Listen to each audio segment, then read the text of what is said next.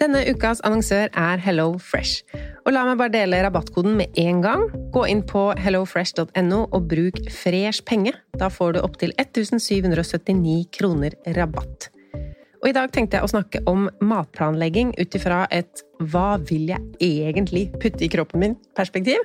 Altså ikke hva som er godt, men hvor mange ganger i uka vil jeg spise fisk, f.eks. Og med Hello Fresh-appen så er dette så fint. Du velger bare ut fra en liste hvilke fem eller fire eller tre middager du vil spise uka etter. Og så kommer matkassa til deg på døra. Og du trenger ikke å tenke noe mer på hva du skal spise. Denne uka så blir det for meg to fiskeretter, to vegetarretter og en kyllingmiddag til guttene. Gå inn på hellofresh.no og se selv hva du kan velge mellom. Bruk koden FRESHPENGE for å få opptil 1779 kroner rabatt på de første seks matkassene dine, pluss gratis levering på den første kassa hvis du ikke har prøvd Hello Fresh tidligere. Rabatten kan du også bruke hvis du har vært kunde hos Hello Fresh, men det er mer enn tolv måneder siden.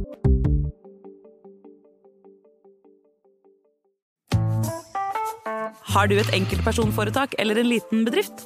Da er du sikkert lei av å høre meg snakke om hvor enkelt det er å sende faktura med fiken. Så vi gir oss her, fordi vi liker enkelt. Fiken superenkelt regnskap. Prøv gratis på fiken.no.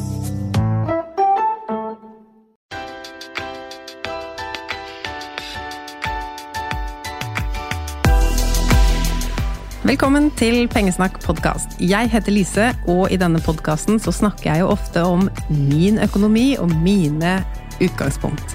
Men i dag så har vi fått med oss en gjest, og det tenker jeg mange av dere vil sette pris på, fordi dere vil gjerne høre om andres økonomi og sparing. Så det blir veldig gøy å gi i dag innblikk i hvordan Johan tenker på penger, hva han har gjort for noen smarte ting med penger, og jeg tenker at det er mange tips her underveis som dere kan plukke opp. Velkommen til podkasten, Johan. Takk. Hjertelig. Jeg tenker vi skal begynne å snakke litt sånn om hvor du er i dag økonomisk. Ok. Og så tar vi det mer til eh, hvor økonomiinteressen din starta. Fordi du er jo en som er over gjennomsnittlig opptatt av penger.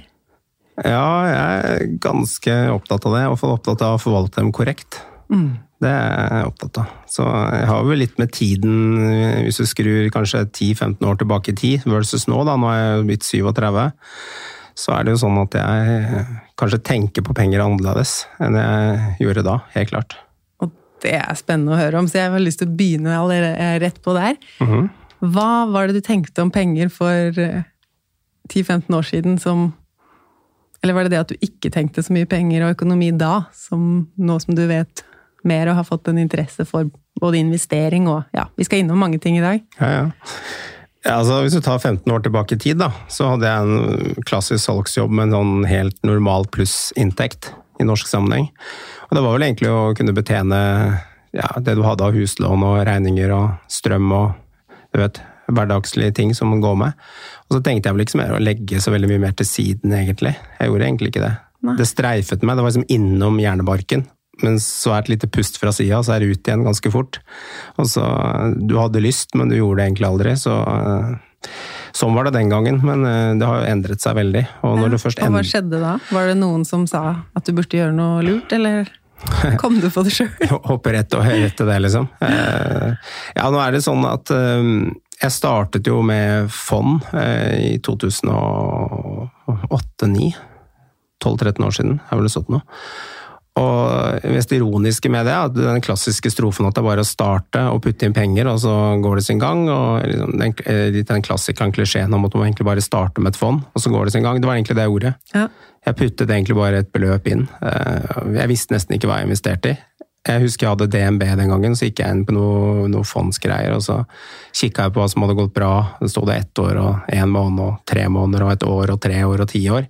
Og jeg skjønte jo at grønne tall det var opp, og røde tall var ned. Så det var en sånn enkel matematikk da, som de fleste skjønner. Unger skjønner jo til og med det. Ja.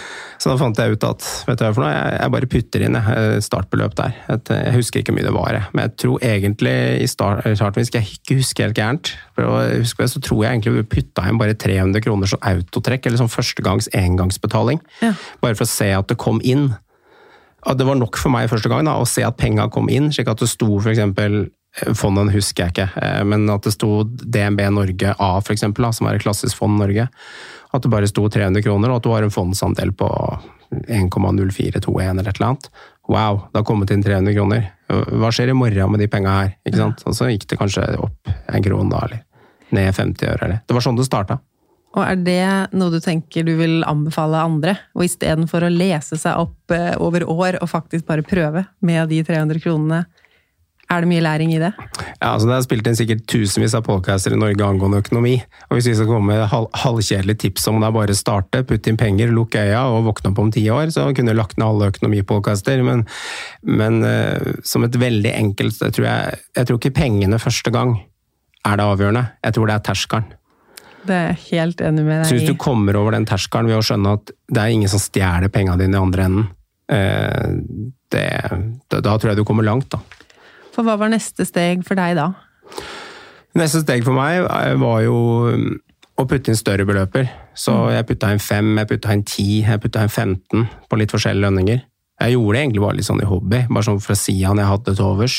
Altså du hadde ikke noe mål eller mening Nei. med den sparinga? Du tenkte ikke på pensjon eller dine fremtidige barn, eller Nei. Det var liksom bare Nei. se at eh, pengene kan gjøre en jobb? Jeg har alltid likt å se, jeg har alltid vært litt sånn øh, gründer i tankegangen. da. Så jeg har likt å se at penga vokste. Ja. Så lenge jeg så smiler da. Ja, det er noe tilfredsstillende med det. Du ser bare lyser opp i rommet her. Jeg skulle sett det nå, kjære lytter.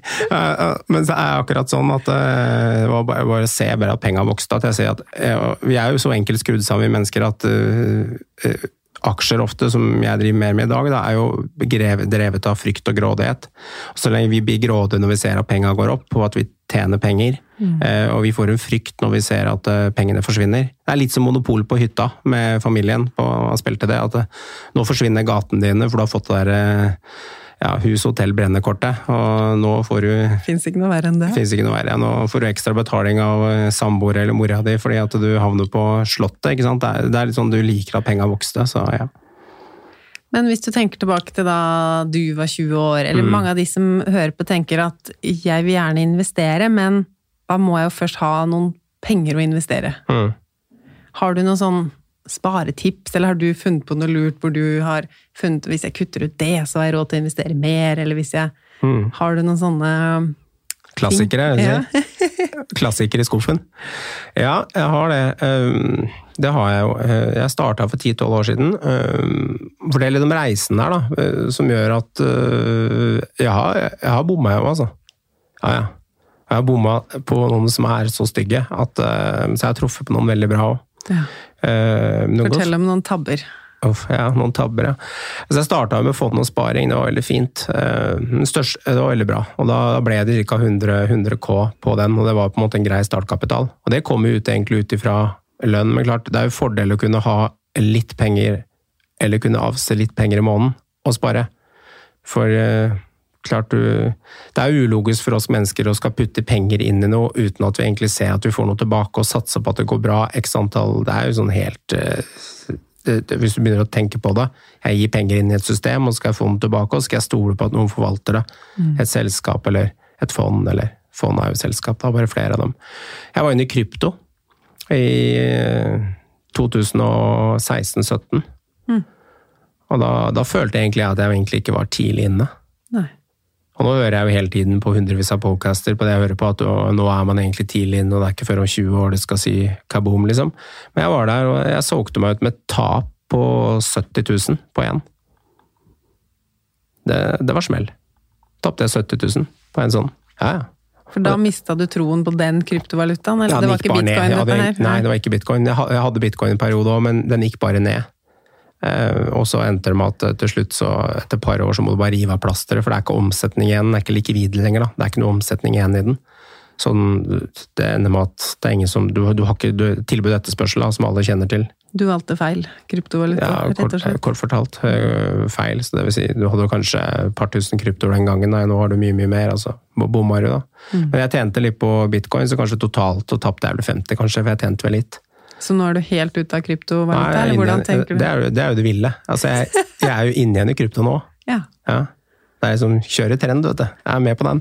Ja, det, det, handler litt om flere ting. da. Det handler litt om læringen i det. Og det handler litt om at det var kanskje stor læring for meg, men jeg ble advart fem-seks år før det. For jeg hadde en venn av meg som fortalte meg i 2011 mm. at uh, Johan, bli med her. Uh, bli med og sette inn uh, 10 000 kroner da, på, på bitcoin i 2011. Han kjøpte da Han gikk vel ikke inn så mye, men jeg tror han kjøpte 30 bitcoin sånn, den gangen. Ja, ja. Og så tjente han Jeg tror han tjente 700-800 før han solgte seg ut. Da var han happy go lucky. Ja. Jeg satt og så på, tok en øl sammen og sa bare at rista bare på huet og spurte hva han drev med. I dag så er det ingen som skulle rista. Så det er litt, litt, litt sånn største lærdom jeg har hatt på det òg, at eh, når du treffer mennesker, liksom, så er det litt sånn Aldri undervurder ideen de kommer med, praten de kommer med, eller hvilken, hva de prøver å pitche til deg. Sett deg ned, lytt, vurder og drøft. Lytt, vurder og drøft. Altså drøft hva de har å komme med, og så du gjør det opp en mening, istedenfor å være den klassiske mennesket og bare si 'nei, det er ikke interessert i å sitte og ler av det'. For det gjorde jeg for ti år siden. Ja. Men i dag hadde jeg ikke ledd, så det, det kosta meg dyrt. da. Så gikk jeg en fire-fem år etterpå. Bomma. Penger. Da var det jeg som tapte. Mm. Og så er jeg egentlig inne igjen nå med en liten del av porteføljen min nå, som jeg gjorde etter den dippen som kom nå, som når bitcoin var nede på 29 000-30 000. Så så jeg vel teknisk, eh, for jeg driver litt en teknisk analyse på aksjer.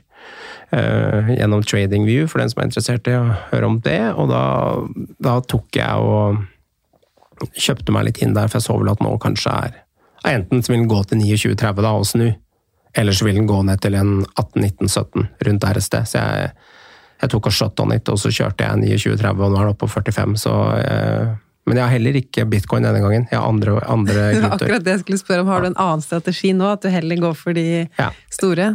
Eh, jeg, jeg har ikke gått for store, jeg går fortsatt for de små, for jeg liker litt risiko igjen. Ja, så jeg, men det har gått bra, da. Så akkurat nå på, på Coinstad er det vel 40% avkastning på tre-fire uker. Et eller annet sånt, så nå, nå har det gått bra. Men, ja. Men når du snakker om denne type investering, tenker du at det er dette som skal sikre framtida di og jentene dine, eller mm. er mhm. dette moropenger, og så har du fortsatt Moro. fond som du Moro. Ja. Det er en liten del av porteføljen. Så jeg lagde et eh, innlegg på det på Aksjelaget sin side på Insta. Så lagde jeg at det, det er litt sånn man snakker hele tiden man skal selge seg ut av den kryptoen, og det, det, kommer til å falle, og det er ikke måte på, men sammenligner du hva den har gått versus indeks på Oslo Børs, da, eller SMP 500 i USA f.eks., så, så er jo det Ja. Det er jo helt elleville prosenter som har gått, og det har holdt på sånn i 10-12 år. Og når ting har holdt på i 10-12 år, da må man begynne å ta det på alvor, da. Så jeg var litt for tidlig inne den gangen. Denne gangen her så føler jeg vel kanskje at jeg kjøper til en grei penge. Men hvor den skal hen, mm. vet ikke. Du vet fortsatt ikke. Men det er en liten Hva du har kjøpt, egentlig, ja. Så har jeg litt fond. Ja. Det er riktig. Jeg har litt fond. Jeg har litt sånn uh, Lise-style. Jeg kjører litt den greia med å sikre. Spre det utover på 16-24 aksjer i et fond som regel. Uh, så ligger jeg mellom der. Uh, og så har jeg litt forskjellige typer fond. Noen nordiske. Så har jeg noen amerikanske, og så har jeg eiendom. Ja. Fond innenfor eiendom. Det har gått veldig bra. Og så har jeg investeringsselskaper i Sverige, så jeg har litt forskjellige typer fond. Det er differensiert ganske bra der, altså. Og så har jeg en god del enkeltaksjer, det også. Men eh, du var innom i stad med ETF-er, mm. mens de fondene du nevner nå, det er, mer, det er ikke børstrada fond, eller?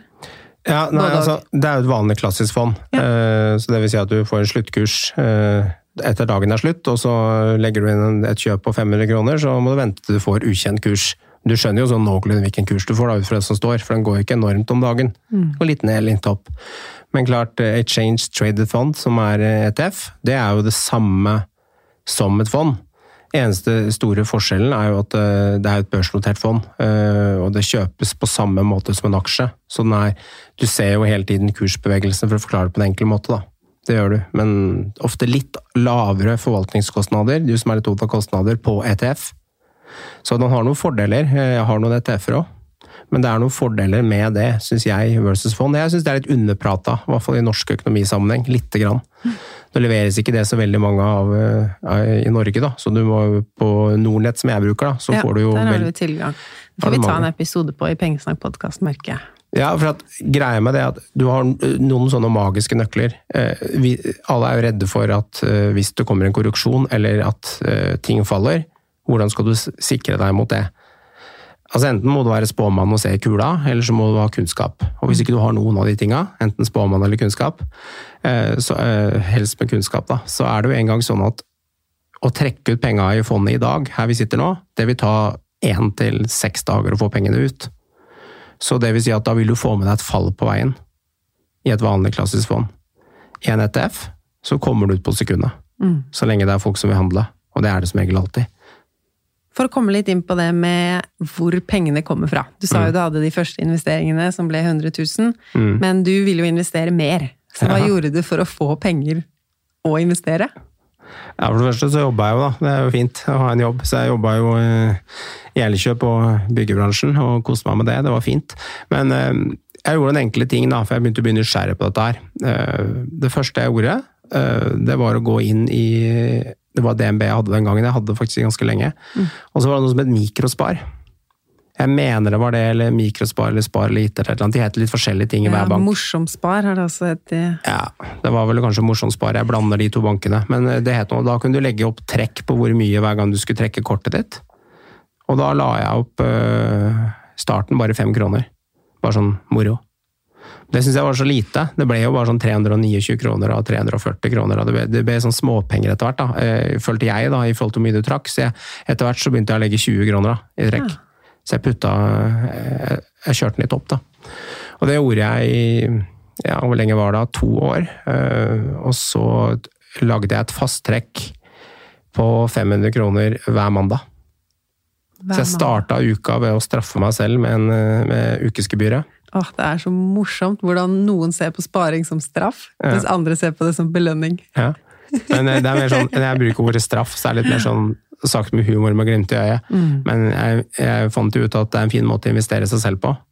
Absolutt. Absolutt. Og så um, tenkte jeg at det kan bli bra, og, da, og til slutt så endte det med at i løpet av to år så hadde jeg blitt 900 000. Ja. For det er jo så enkelt at 500 kroner ganger 52 uker, det er 26 000. Og ganger du det med to år, så er det 52 000. Og så alle de 20-kroningene, det ble 48 000 til. Og da var det 100 000 til, og da var vi oppe i 200 000 da. Ja. Det er så fint at du viser det sånn, fordi det er vanskelig å kommunisere at de småpengene har noe å si. Mm. Eh, Men så er det jo det Altså hele min økonomiske reise handler jo om småbeløp her og der. Ja, ja. Det er jo det som blir de store beløpa over tid. Jeg jeg syntes det var spennende. Eh, Da var det faktisk en eh, jeg tror det var en venninne og en kompis av meg som gjorde det samme. Jeg vet ikke om de er der i dag òg, men jeg driver fortsatt med det. Ja. Og det er litt sjarmerende. Morsomspar og trekk hver mandag. Ja, det er riktig. Jeg tror det trekket hver mandag er gått litt ned, for jeg har ikke sjekket det på en stund om jeg har trekk hver mandag nå. Det er jeg faktisk litt usikker på. Nei, jeg tror faktisk jeg har tatt det vekk, når jeg tenker meg om. Men jeg driver med mm, jeg driver fortsatt med morsom sparing eller mikrospar. Jeg husker ikke navnet på den banken, men nå har jeg Sparebank1, så jeg har bytta bank. Ja. Men jeg har et trekk der fortsatt, som jeg, og det blir på løpet av det òg. Så det, det ble penger av det. Så, men det, det, det største eye-åpner for meg, Nå er jeg spent. ja, det var egentlig litt spennende. Det var, den største lærdommen var jo det med de bitcoins jeg snakka om, og så gikk jeg inn etterpå, og så gikk det rett på trynet, og så nå er jeg back again. Men det er en del av reisen, og en del av bevegelser, og kjenne mennesker i livet, og forstå hvordan ting funker, og ha tiden på min side. Men den største eye-åpneren for meg var egentlig når podcaster begynte å komme, og man kunne lytte til folk som drev med sparing. Og da husker jeg faktisk, det er et lite kompliment til deg, da husker jeg faktisk eh, lytta til eh, podkasten din. Eh, Jeg tror jeg kom inn etter allerede episode to, jeg, eller et eller annet. Så jeg var tidlig Det er ute. lenge siden. Ja, ja, veldig lenge siden. Jeg var jo tidlig ute. Og da husker jeg eh, at eh, Det er veldig morsomt, faktisk. At eh, det som gjorde at jeg ble litt sånn jeg satt og hørte på podkasten, tenkte jeg fins det andre gærninger som er der ute? Hun er jo likedan, tenkte jeg. Faktisk. For jeg hadde følt i en periode at når jeg sparte på den måten på mikrospar, og den måten at jeg drev og sparte liksom på panteflasker i voksenverden, bare sånne småpenger, og så ble det mye penger av det. Ingen av de jeg kjente drev med fond, ingen drev med sparing, ingen drev med noen ting.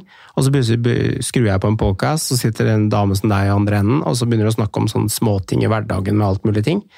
Og ja, og det er en av de triksa som øh, jeg husker du nevnte, jeg mener det er du som har nevnt det, det er å betale deg selv først.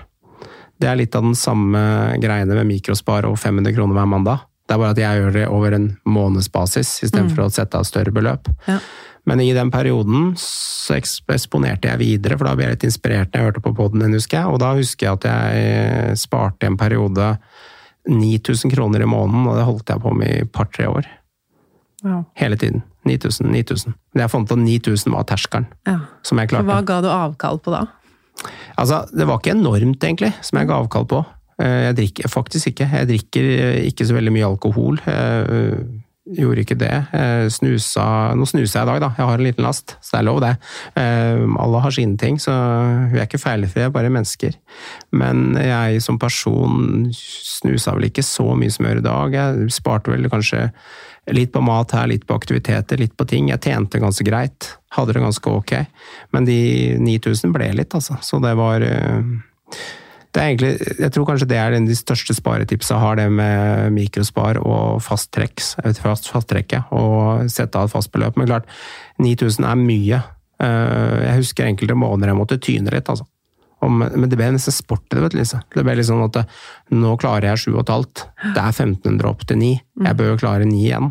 Så var det vel kanskje noen måneder det sprakk, men det er ikke så farlig om du sprekker på én eller to måneder hvis du klarer å holde den noenlunde stabil, for det blir jo fryktelig mye penger av det. Og da klarte jeg å skape ny buffer igjen, da, ny kapital. Men det aller beste sparetipset, nå blir jeg litt gira, og det tror jeg, jeg tror folk tenker at de må ofre veldig mye i hverdagen for å kunne spare mye penger. Du må ikke det. Jeg starta på en enkel måte. Det var som vi snakket om, mikrospar, det var snakk om å putte litt i fond, det var å snakke litt fra inntekt, litt hver mandag. Og så er det en Kanskje den tingen som har prega meg mest også, er det der med ikke maks alt alltid. Mm. Den setningen Jeg elsker den. Altså, det har litt med Ok, du skal unne deg en tur, da, om folk drar med kompisgutta eller venninnegjengen på danskebåten. På DFT Seaways bort til svingen her. Og så ender det med at du må Du kan kjøre en, eh, en enkel, eh, grei lugar og betale en helt grei. Du må ikke oppgradere den til vindusplass og dobbel køye og alt det der. Så betaler du kanskje dobbel pris. Selv om du kanskje får 20% rabatt fordi danskebåten akkurat den helga har rabatt på bedre lugar. Men da har du bare brukt 80% mer penger, ikke sant. Så det er sånne ting, ikke makse alt alltid. Mm. Skal du på den båten, så kanskje unner du deg lunsj, men kanskje ikke du tar middag på båten, for da tar du noe annet. ikke sant? Og da kan du få til en tur en annen gang istedenfor. Så jeg lever litt etter det på noen ting òg. Ja. Du makser ikke alt, men er det noe du makser, da? Jeg er lite grann på noen ting, sånn som hvis jeg først kjøper kvalitet. Da er jeg glad i briller, da. Ja. Så, Solbriller eller vanlige briller? Ja, jeg har forkjærlighet for merker Mao Jim, som er fra Hawaii. Okay. Så hvis jeg først skal kjøpe meg briller, så kjøper jeg kun de. Kjøper ikke Ray-Ban, kjøper ikke Oakley. Jeg kjøper bare det, etter at jeg har lest mye om det. Jeg er ikke noe reklame for de, men det er bare sånn Når du først blir hekta på noe sånt, så er jeg kun på det. Da er jeg opptatt av den type ting. Jeg kan, hvis jeg plutselig skal kjøpe meg en ny sofa eller et eller annet, da, da slanker jeg kanskje ikke 4000 kroner for å kjøpe meg kvalitet. Da vil jeg gå for kanskje noe bra nå. Det gjør jeg.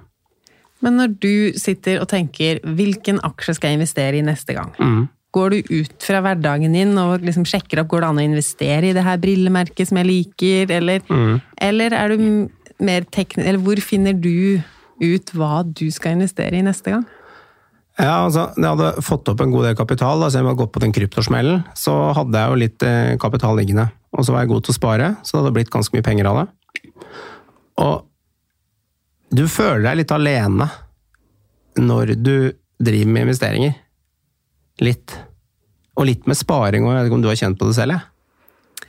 Altså, Før jeg starta Pengesnakk, så var det jo noe jeg bare dreiv med. Jeg snakka jo ikke med noen om det, eller hadde noen sparingspartnere, eller jeg, uh... Men Følte du følte du deg liksom kjip på et vis? Altså, du du, du snakka kanskje med uh, mannen din da, og sånne ting, eller noen par venner, men følte du deg liksom kjip at du hele tiden hadde et mindset på at her skal du få, få penger til å vokse? at du Skjønner hva jeg vil hen? Jeg har vel aldri følt meg egentlig uh... Nei. Nei. Jeg har alltid vært opptatt av å få verdi ut av pengene mine. At jeg ikke har lyst til å bruke penger på noe som jeg ikke ser at dette har jeg virkelig lyst til, eller dette blir noe av for meg. Uh... For meg så var det litt sånn at når jeg så at det hadde blitt en ganske stor pengesum, for det hadde blitt en ganske stor pengesum, så, så ble jeg litt lei fondet etter ti år, da. Og for to-tre år siden så fant jeg vel ut Det er vel tre nå, tenker jeg. Tre, ja, tre og et halvt, kanskje. et eller annet, Jeg husker ikke nøyaktig. Så fant jeg vel ut at jeg hadde lyst til å prøve å utvikle horisonten med litt med enkeltaksjer. Øh, og jeg har litt sånn, litt sånn skrudd sammen sånn at hvis jeg først interesserer meg i noe, så går jeg all in, da. Så da begynte jeg å lese kvartalsrapporter, eh, fundamental analyse som handler liksom om fremtidige utsikter for selskapet, hvordan ting fungerer for selskapet, hvilken verktøy de bruker, om de har momentum. Så jeg begynte å lese litt forskjellige typer ting om selskapene. Og så begynte jeg å gå litt inn i teknisk analyse, som går på liksom Når du ser en aksjekurve beveger seg, så ser du hvor er det gode kjøpstipper eller kjøpsmuligheter. Eh, det kalles ofte støtte eller motstand. da. Har støtte på et visst nivå hvis en aksje koster 30 kroner. Så kanskje maks på den perioden den er inne i, da. På, nå snakker jeg litt teknisk, men jeg prøver å gjøre det enkelt. Hvis det er en glidende periode på 50 dager, da, som er en typisk teknisk barometer du kan legge inn i Mhm. den måten jeg finner aksjer på, så kan du se at øh, støtten nedover kan ligge på 28 kroner og 50 øre. da. Mens akkurat nå ligger den aksjen på 30 f.eks. Da vet jeg at det er et godt kjøp på 28,50. Da er det størst sannsynlighet Lise, for at det er oppgang hvis den treffer 28,50. Og da får du med deg en prosenter allerede der. ikke sant? Og det er om å treffe de dippene eller kurvene eller ja. Og så har den en motstand på toppen da det, da, da det kommer en naturlig korruksjon. Kanskje den stiger til 36 igjen før den dipper tilbake igjen. Og Det er kunsten å kjøpe imellom de to punktene. Men da igjen så kommer frykt og grådighet inn. Ikke sant? Og der, der, der er det litt sånn Det må du håndtere. Men da begynte jeg å lese om disse tingene. Og fant ut det, og så dukket jeg på litt Instagram-kontoer. Lagde meg en Instagram-konto. Fant ut at eh, ok, jeg lager meg Instagram-konto for å følge litt folk der ute, for å se hva som foregår på nett. da. Ja, og så skjedde jo det at samtidig med at du lærte, så begynte du å få lyst til å lære videre. Ja, det er riktig. Eller en ting jeg også legger merke til mye med din eh, Instagram-konto, er jo at du spør.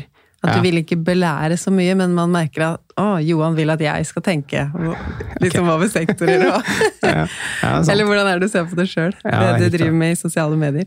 Ja, det er riktig. Eh, Jeg lagde en kontoen mest for å suge til meg kunnskap. Og så merket jeg etter hvert at folk begynte å komme til meg for å få kunnskap.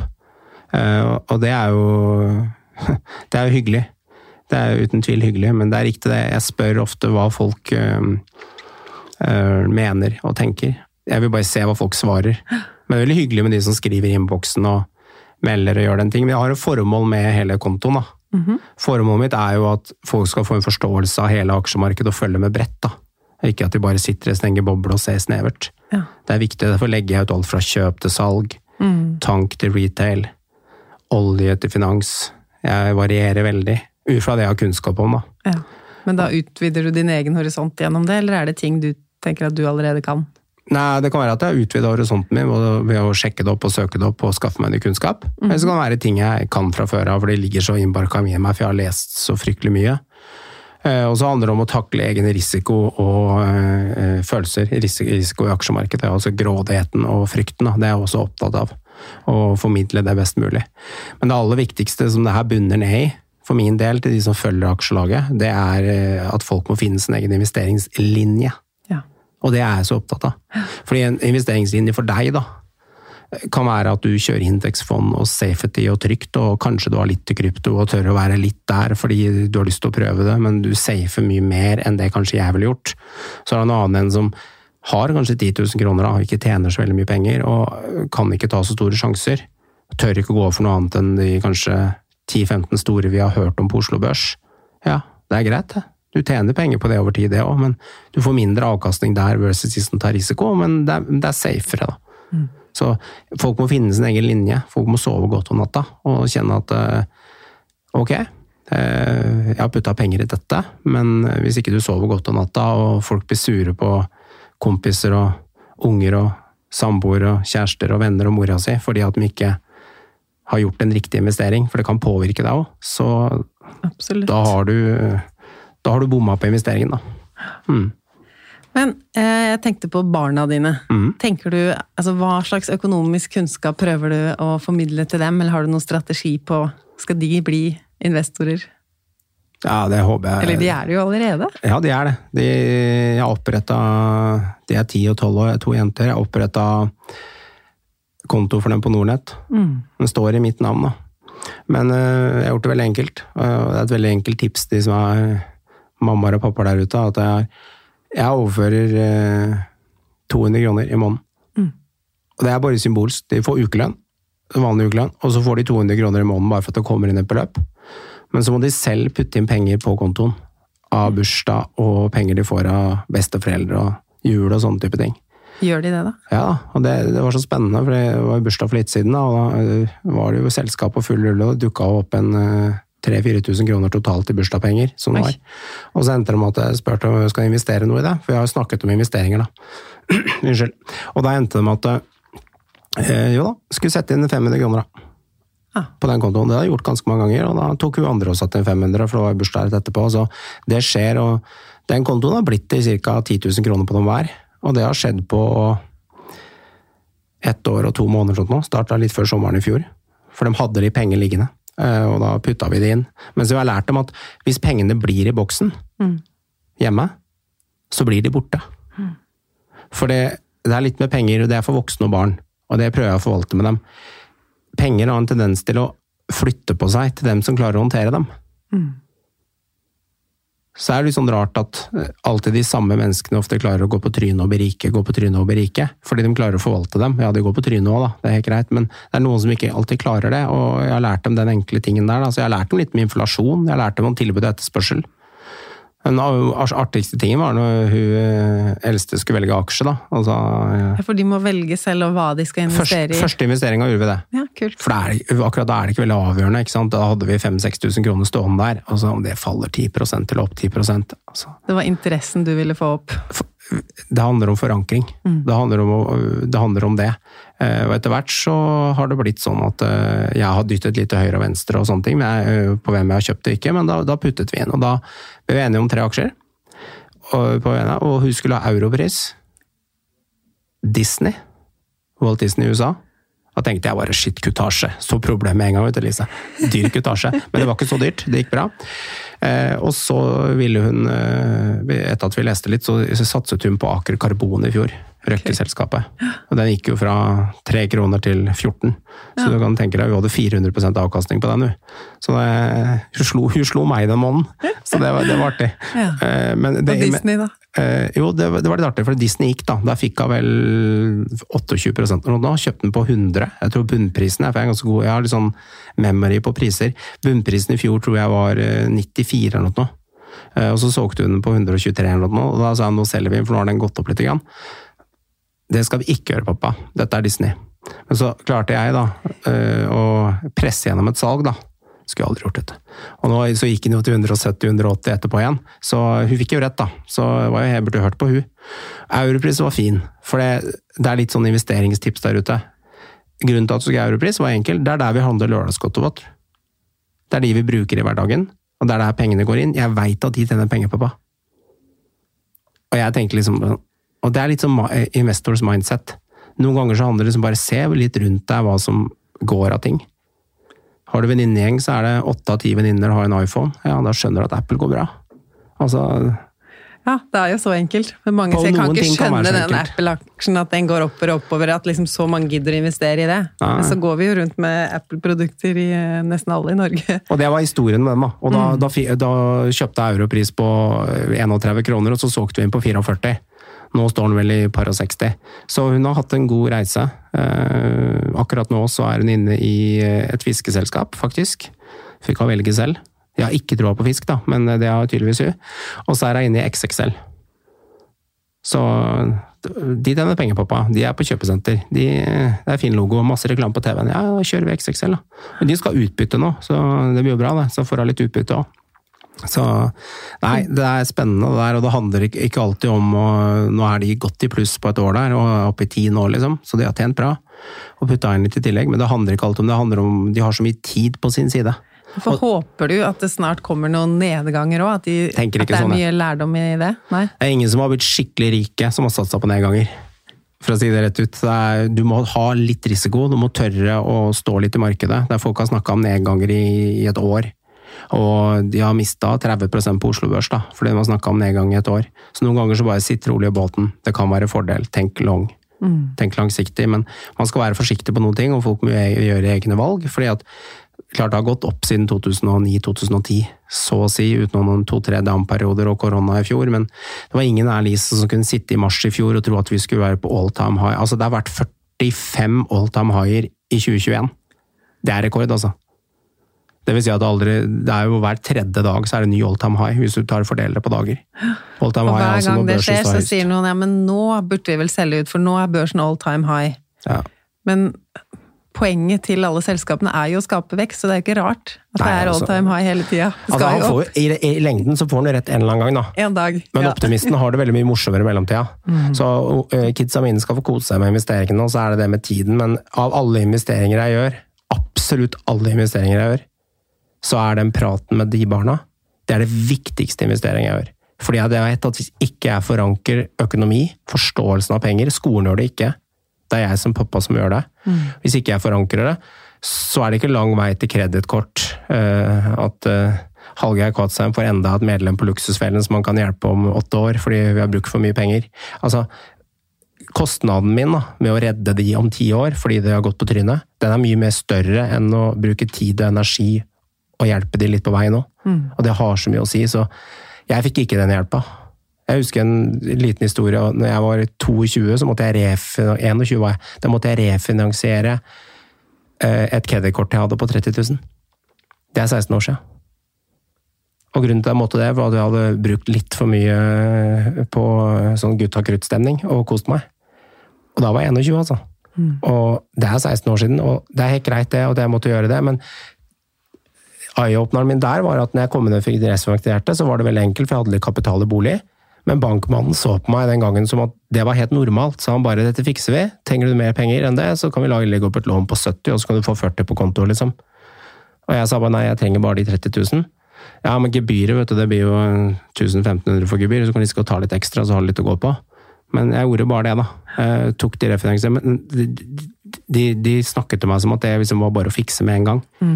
Og mine kids skal ikke henne der. Og jeg endret det og fikset det, og 16 eh, år etterpå så, så er jo første delmålet mitt, da, det er jo eh, å nå en million i aksjekapital. Ja. Og så er har du nådd det? Det har jeg. Gratulerer. Thank you. Så det har jeg kommet via eh, fond, ETF-er, aksjer og en startup som jeg er involvert i. Som ikke jeg kan snakke så veldig mye om, for de skal lounge nå i høst.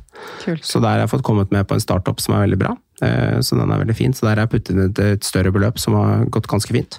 Så jeg har rundet det. Eh, og så har jeg fått finansiert halve, halve hytta mi med, med reisen min i aksjemarkedet. Lånte wow. halvparten, og så finansierte jeg halvparten utenom. Som jeg tok faktisk ut av markedet. Mm.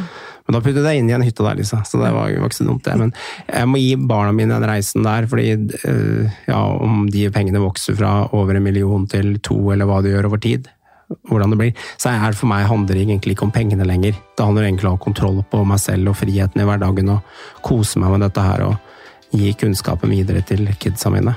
Det er, det er veldig viktig, for det er, det, er, et ansvar jeg har som pappa. Mm og til de som følger deg på Instagram, for nå skal vi mm. runde av, så jeg får bare nevne igjen Instagram-kontoen din Aksjelaget. Hvis ja. du vil snakke mer med Johan og se hva han deler, og være med på hans diskusjoner om hvilke sektorer som skal opp og ned framover. Og det er interessant å følge med på. Takk for at du hørte på Pengesnakk podkast, og takk for at du kom hit i studio, Johan, for å dele litt av din reise og hvordan du investerer og tenker på penger. Takk for at du har meg.